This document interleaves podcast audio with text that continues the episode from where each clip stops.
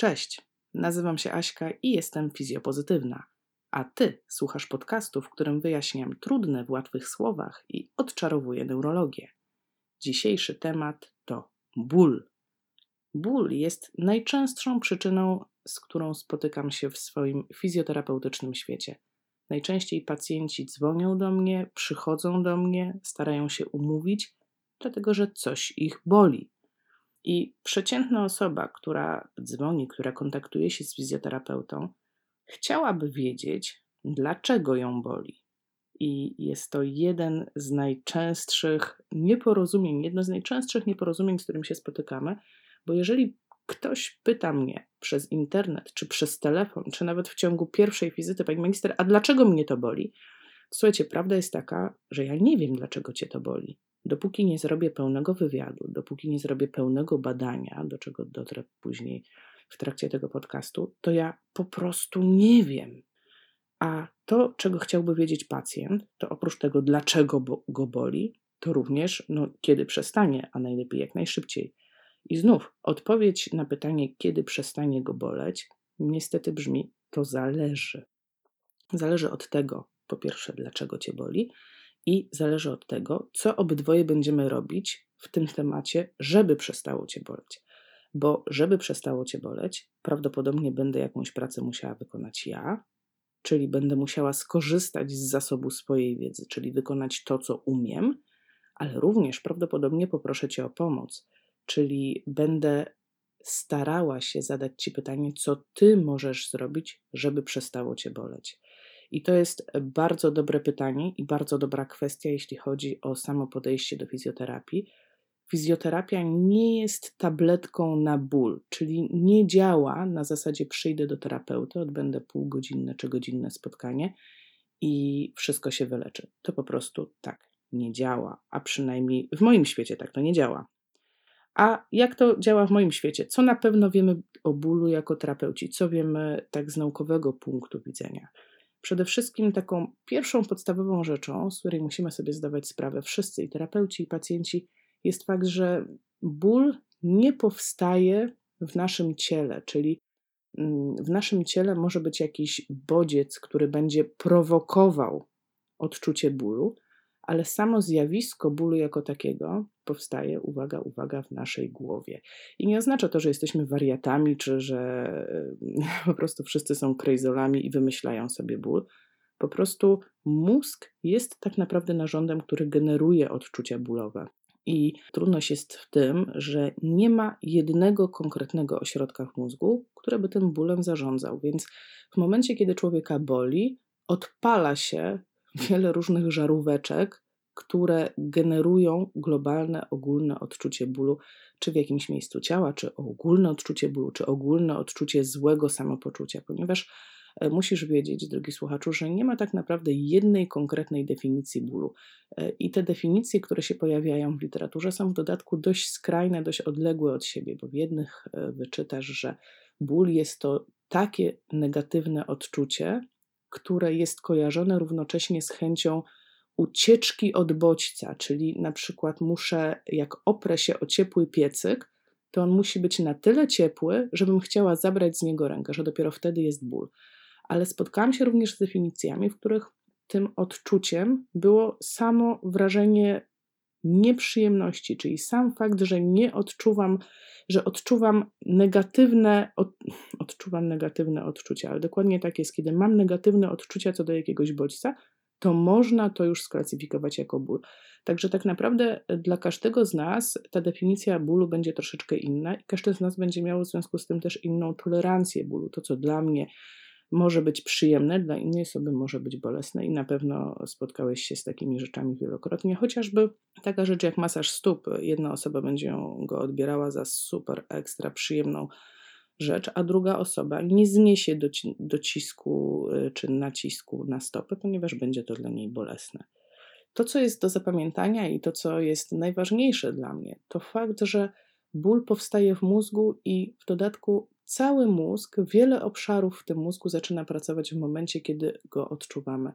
Czyli równocześnie, oprócz takich centrów, które zawsze się w cudzysłowie zapalą, kiedy coś nas boli, to skojarzenia w tej sytuacji, czy y, skojarzenia z tymi bodźcami, które zaistniały równocześnie, kiedy występuje ból, e, łączą się razem. Dam Ci przykład.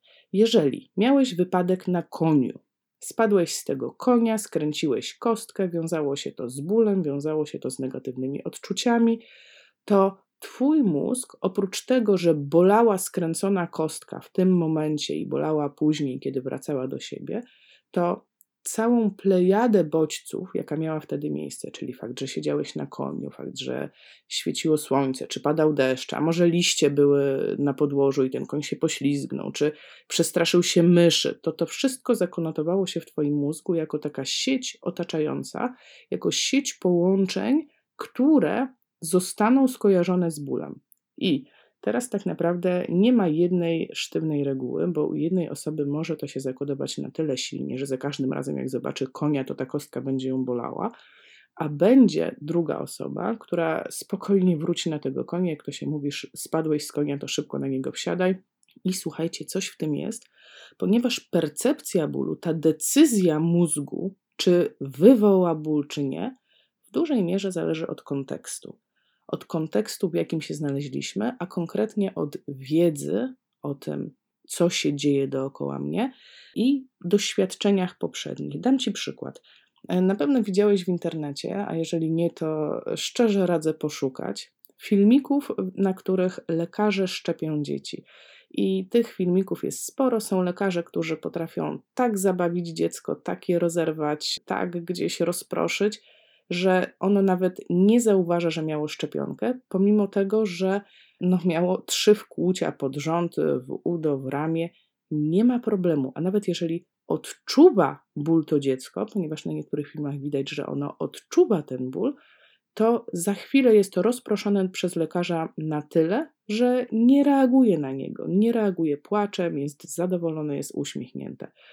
I to są takie przypadki, no niestety, no pewnie to jest mniejszość, bo te doświadczenia, które ma większość z nas, jeśli chodzi o szczepienia dziecka, to są dwie osoby, które trzymają rozbrzeszczanego, nieszczęśliwego bobasa, który drze się w niebogłosy i ten, ta biedna pielęgniarka, ten biedny lekarz, e, mówię biedny w tym znaczeniu, że mnie jest naprawdę ich po prostu szkoda w tym momencie, bo to wyobrażam sobie, że jest stresująca sytuacja E, z takim wyjącym e, dzieckiem współpracować, a tak naprawdę reakcja tego dziecka ściśle zależy od kontekstu, w jakim się znalazło. Jeżeli dziecko jest w sytuacji bezpiecznej, zabawione, roześmiane, to ból, który gdzieś się wygeneruje, czyli mm, ten, ta odpowiedź na bodziec, jakim jest wkłucie w rękę, może percepcyjnie, czyli może w jego E, w jego interpretacji, interpretacji jego mózgu być mniejsze niż ten sam bodziec, to samo wkłucie,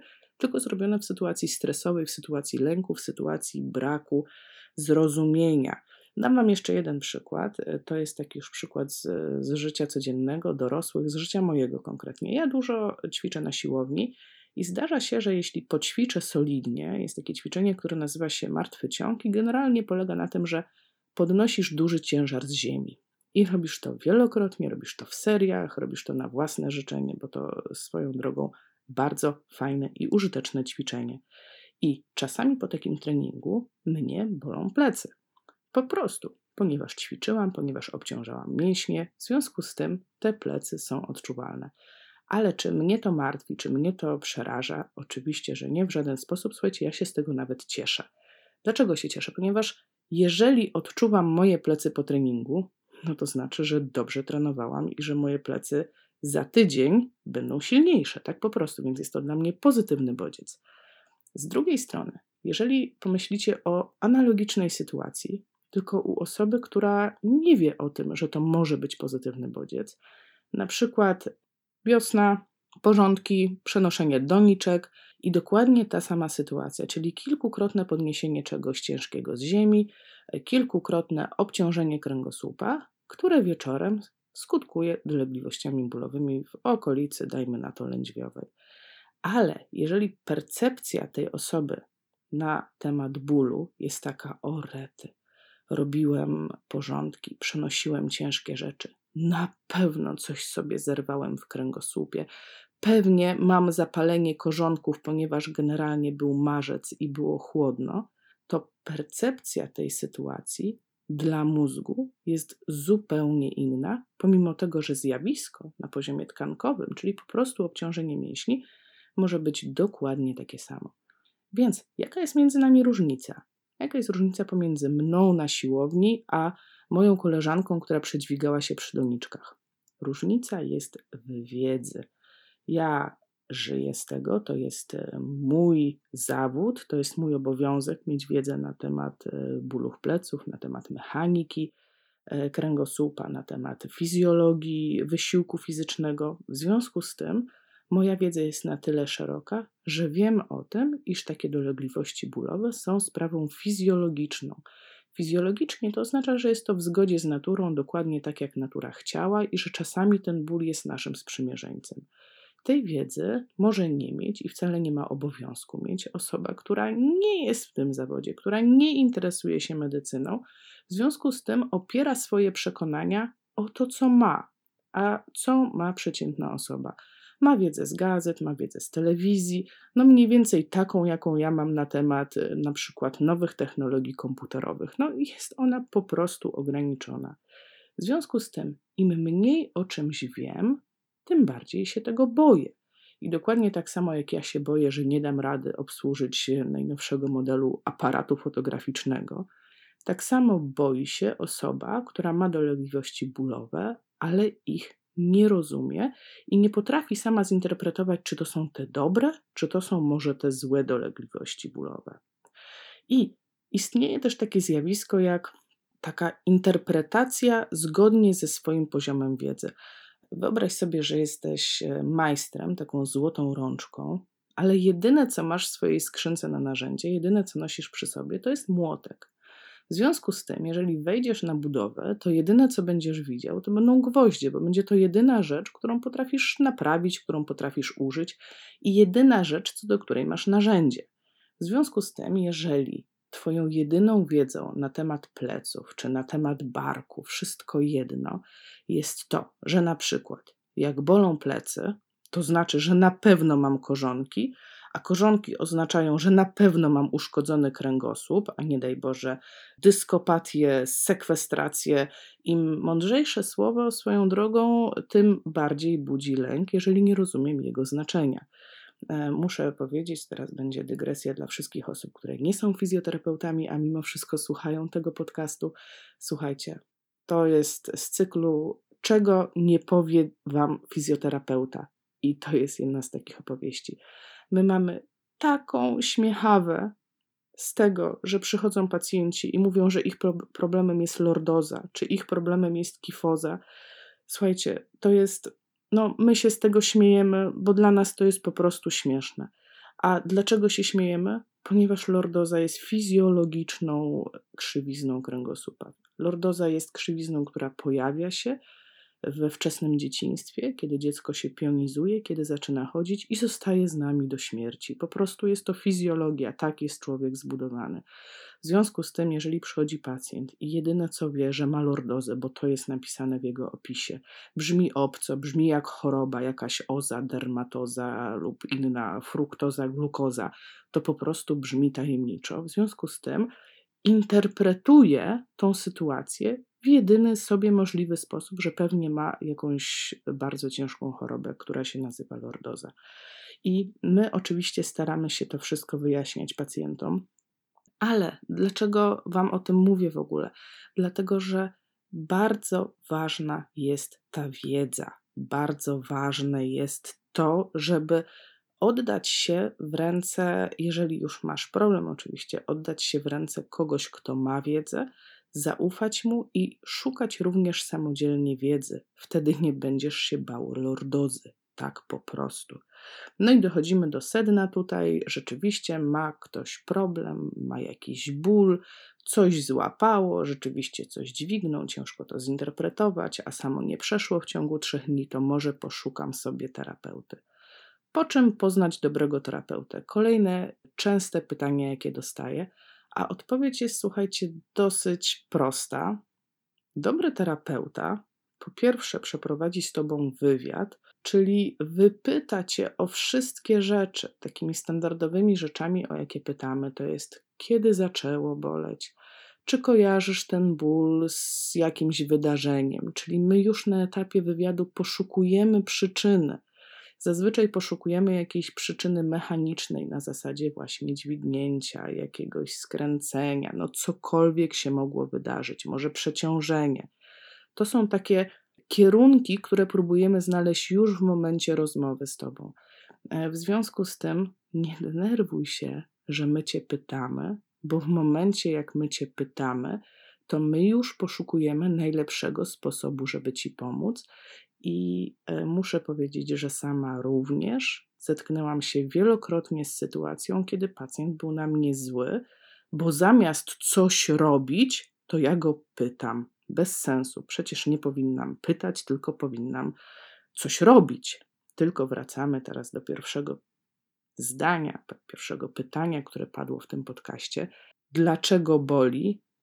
Słuchaj, jak wchodzisz do mnie na zabieg, ja nie wiem, dlaczego cię boli, ale jeśli mam ci pomóc, no to chcę się dowiedzieć, a żeby się dowiedzieć, muszę cię wypytać, a potem, i to jest kolejna rzecz, po której poznajemy dobrego terapeutę, on cię zbada, nawet jeżeli nie będzie to super wyrafinowane badanie, powinien zbadać to, jak się ruszasz, to jak stoisz, to jak chodzisz. To są wszystko rzeczy, które bardzo krótko trwają. To nie jest nie wiadomo jak skomplikowane badanie.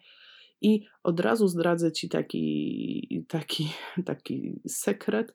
Macanie kogoś po plecach nie jest badaniem bo zanim kogoś, tak mówię brzydko, pomacam, czyli wykonam palpację jakiegokolwiek e, regionu, bo to może być część mojego badania, aczkolwiek nie musi, ale to, co ci mówię, na pewno nie jest to jego esencją, czyli nie jest to pierwsza rzecz, której, którą będę chciała zbadać.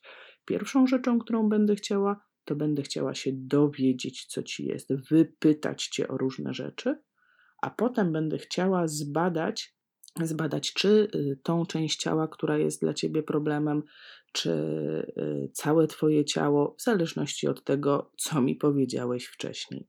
I dopiero na podstawie tego badania ja jestem w stanie z tobą porozmawiać o tym, co mogę dla ciebie zrobić. I tak jak powiedziałam wam na początku, Moje działanie nie jest magiczną tabletką. Prawdopodobnie będę chciała, żebyś ty również coś zrobił. I to jest rzecz, którą ustalamy razem. I potem poznasz dobrego terapeutę, że cię popytał, że cię zbadał, a potem z tobą pogadał, co robimy z tym, co znalazł. Jeżeli masz doświadczenia z leczeniem swojego bólu, jeżeli masz doświadczenia z terapeutami, jeżeli masz doświadczenia z samodzielnym pozbyciem się bólu, albo chcesz się ze mną podzielić jakimiś uwagami, pisz śmiało pod tym podcastem. Im więcej komentarzy, tym bardziej systemy, które rozprzestrzeniają podcasty, które rozprowadzają je po sieci, będą go udostępniały. E, bardzo dziękuję za uwagę. Słyszymy się wkrótce.